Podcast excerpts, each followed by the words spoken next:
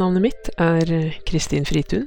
Jeg er eh, 34, snart 35 år gammel, og jeg er forfatter og skribent på fulltid, og har vært det de siste ti åra. Jeg skriver eh, sakprosa for voksne, stort sett. Jeg har litt sakprosa for ungdom også, men det har stort sett vært kortere tekster til bruk i læreverk. Den sakprosaen jeg skriver, er eh, drøftende og handler mye om ideer og oppfatninger, og om debatter og kunnskapen som ligger til grunn for debatter, ikke minst.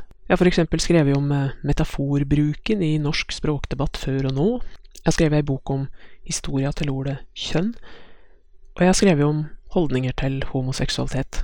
Bøkene kan nok sies å være debattbøker, men de er ikke særlig mm, skråsikre eller polemiske i forma eller tonen. Ofte skal jeg undersøke noe, finne ut av noe jeg lurer på, og det er ikke alltid undersøkelsen eh, munner ut i et svar med to streker under. Jeg prøver å skrive tekster som er um, tilgjengelige, og som ikke føresetter at en kan mye om temaet fra før. Men jeg er litt usikker på hvor godt jeg lykkes med det. De som liker bøkene mine, er nok folk som leser ganske mye i utgangspunktet, og som liker å prøve ut nye perspektiv og få litt motstand. Det som særmerker eh, forfatterskapet mitt mest, er kanskje kombinasjonen av temaer eller interessefelt. Jeg kan finne på å nevne mm, Ivar Aasen og Judith Butler i samme åndedrag, altså nynorskens grunnlegger og en av de viktigste bidragsyterne til skeiv teori. Det er nok flere enn jeg som kan gjøre det, særlig blant unge målfolk, men det er ikke så vanlig at folk leser artikler av Aasen den ene dagen, og engasjerer seg i transdebatten den neste. Det er likevel en, veld, en veldig viktig fellesnevner her, da, mellom Aasen og Butler, og det er språk. Språk og makt. Det er så mange innganger til det temaet, jeg blir aldri ferdig med det. Jeg bør kanskje nevne at jeg skriver bøkene mine på nynorsk. I grunnen er ikke det så spesielt, for uh, sakprosaen har vært en viktig del av nynorsklitteraturen helt siden starten, og det dukker stadig opp nye stemmer, så vi er ikke utrydningstrua på noe vis. Men om en ser på litteraturbransjen som helhet, så er vi ikke veldig mange forfattere som skriver sakprosa på nynorsk. Iallfall ikke på heltid. Om det er en fordel eller ei ulempe å skrive nynorsk, vet jeg ikke. Altså, jeg liker jo å gjøre det, og kommer ikke til å slutte med det.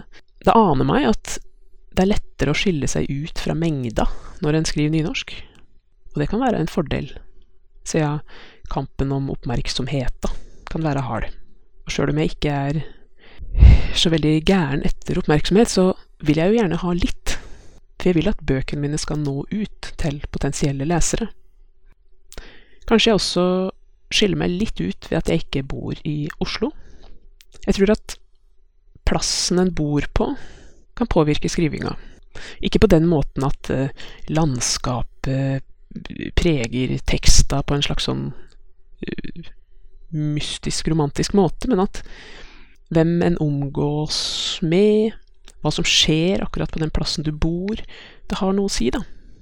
Kanskje en går på biblioteket en dag, og så har en bibliotekar lagd en utstilling med akkurat ei bok som bare står og skinner imot deg, som du kanskje ellers ikke hadde plukka med deg. Og så kan den boka få konsekvenser for forfatterskap forfatterskapet eller kunstnerskapet videre. Altså at det er mye slump og tilfeldigheter. Sånne ting kan naturligvis også skje i Oslo. Men jeg ser for meg at det er bra at forfattere er spredd litt utover landet, for da Jeg tror det blir mer variert litteratur av det. Inspirasjon henter jeg nok først og fremst fra ting jeg leser, enten det er eh, aviser eller bøker eller Ja, det kan være innlegg på sosiale medium også, for den del.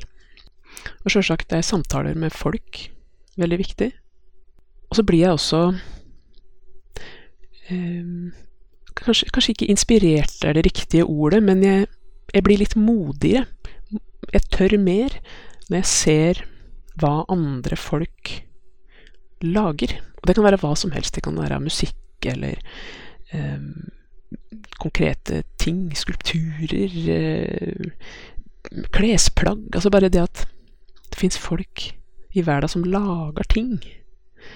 Det gir meg en sånn følelse av at jeg kan også lage ting. Jeg har også lyst til å gjøre det, og jeg, jeg tør, da, fordi at eh, jeg ser at andre gjør det. Og så har jeg òg en sterk indre trang til å skrive, og har nok alltid hatt det sånn. Det er noe med skrivinga som jeg syns er krevende på en givende måte. Jeg får sjansen til å sette meg inn i nye saker, finne ut av ting, prøve å legge det fram for andre. Jeg liker å lete meg fram til presise, gode formuleringer. Og ikke minst så liker jeg å holde på med ting alene. Og det er en fordel, for mesteparten av tida sitter en jo der alene med teksta si. Mye av det jeg har sagt om skrivinga mi så langt, overlapper jo med det skjønnlitterære forfattere driver med. Så hvorfor skriver jeg ikke skjønnlitteratur? Jeg har bare ikke hatt noen uh, sterk trang til å gjøre det. Iallfall ikke så langt i livet. Det er ikke fantasien det står på. Og jeg leser skjønnlitteratur i massevis.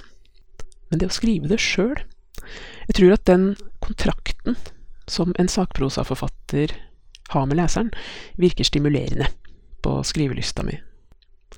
Hvis vi holder oss til den overordna sakprosadefinisjonen som Johan L. Tønneson bruker i boka Hva er sakprosa? Så kan vi si at sakprosa er tekster som adressaten, eller i vårt tilfelle bokleseren, har grunn til å oppfatte som direkte ytringer om virkeligheta. Den definisjonen kan problematiseres på mange måter, men jeg syns at han fanger opp en, en viktig skilnad mellom det å lese sakprosa og det å lese skjønnlitteratur.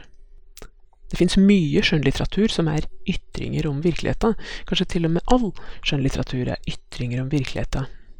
Men da dreier det seg om indirekte ytringer som går via et eget univers. Gjerne da et fiksjonsunivers. Både de herre direkte og indirekte ytringene om virkeligheten er helt nødvendige, slik jeg ser det.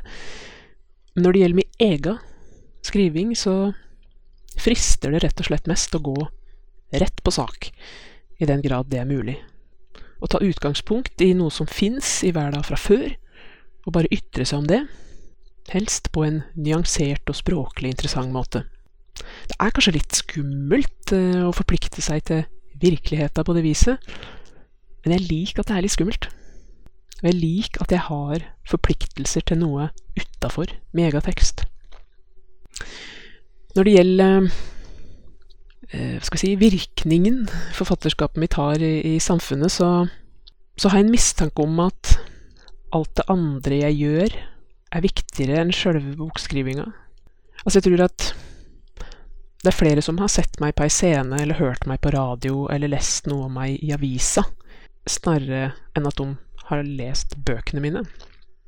Men bøkene gir ei viss tyngde til alt annet jeg gjør, og de eh, det er kanskje bøkene som genererer alle de her andre oppdraga som, som gjør at folk kommer borti meg, da. Jeg er litt usikker på om tekstene mine har hatt noen sånn eh, direkte samfunnsendrende virkning på, på litt sånn stort eh, nivå, men jeg tror de har nådd lesere som har trengt å lese bøkene, og som kanskje har fått utvida kunnskapen eller perspektivet sitt litt. Når det gjelder eh, en del skeive tema som jeg skriver om, så har folk ganske lenge vært sultefora. Og ja, jeg, tror jeg, tror jeg har, eh, har utretta noe der, da.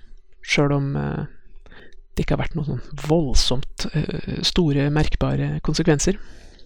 I framtida så har jeg lyst til å skrive mer. Være mer alene på kontoret å farte mindre rundt. Så ta mindre sånne småoppdrag, og heller prioritere de litt større tinga. Jeg driver til vanlig Hva skal vi si Jeg har et slags sånn vekselbruk. Altså at jeg har noen perioder der jeg skriver bok, og nesten bare det. Og så har jeg noen perioder der jeg tar masse formidlingsoppdrag og kortere skrive eh, oppdrag og lignende, og så liksom bytte litt på, da. Og nå er jeg i en sånn fase der jeg eh, har eh, på en måte blitt litt sliten av alle de småtinga, så nå må jeg ha noe, noe stort som jeg kan konsentrere meg om over tid. Jeg er ikke så veldig glad i å ha mange baller i lufta samtidig. Jeg må færrest mulig ting gående på en gang. Så nå skal jeg eh, prøve å, å skrive ei ny bok. Så jeg håper det Håper jeg lykkes med det. Til slutt eh, skal jeg lese noe. Og det var ikke så veldig lett å finne noe å lese, men jeg har plukka noe fra den siste boka mi. For helt til slutt i boka så har jeg det som jeg kaller en irritabel sjekkliste. Boka handler om å irritere seg over skrivefeil. Og denne her sjekklista refererer litt til ting jeg har nevnt i boka, men jeg tror den kan fungere som sånn sjølstendig eh, tekst også.